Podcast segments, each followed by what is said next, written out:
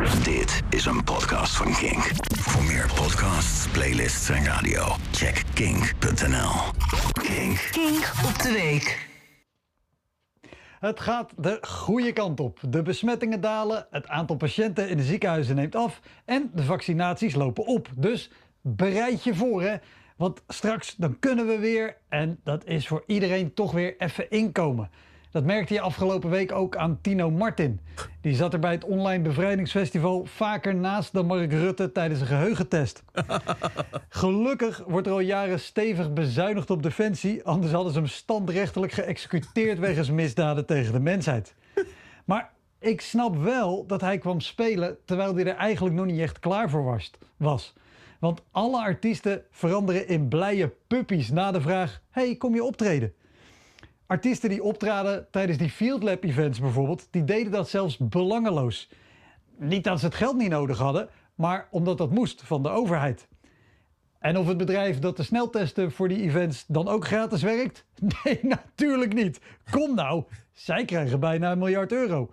En dat lijkt heel veel geld, maar dat is nog niks in vergelijking met de verwachte winst van 21,6 miljard van Pfizer, de vaccinproducent. Sorry, dat spreek ik verkeerd uit. Van Pfizer, de fucking producent.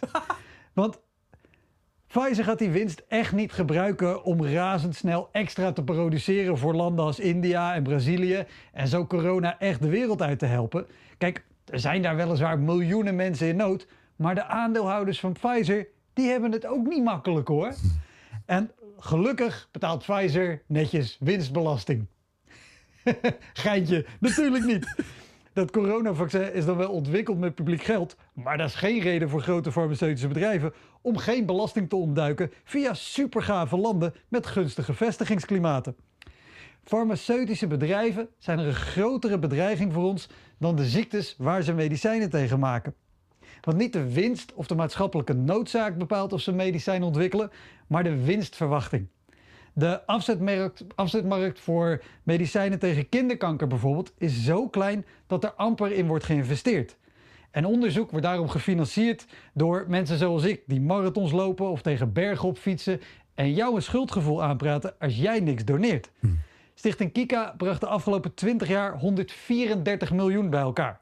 Dat is 0,6% van de verwachte winst van Pfizer. Maar het lijkt erop dat de pandemie ons iets moois gaat brengen.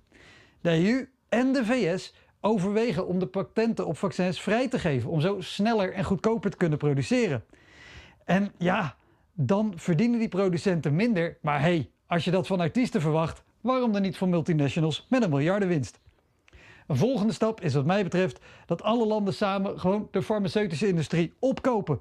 Net zoals we tijdens de kredietcrisis banken opkochten om een ramp te voorkomen. Want pas als onze gezondheid geen onderdeel meer is van een verdienmodel, wordt de wereld echt beter. Dit was een podcast van Kink. Voor meer podcasts, playlists en radio, check kink.nl.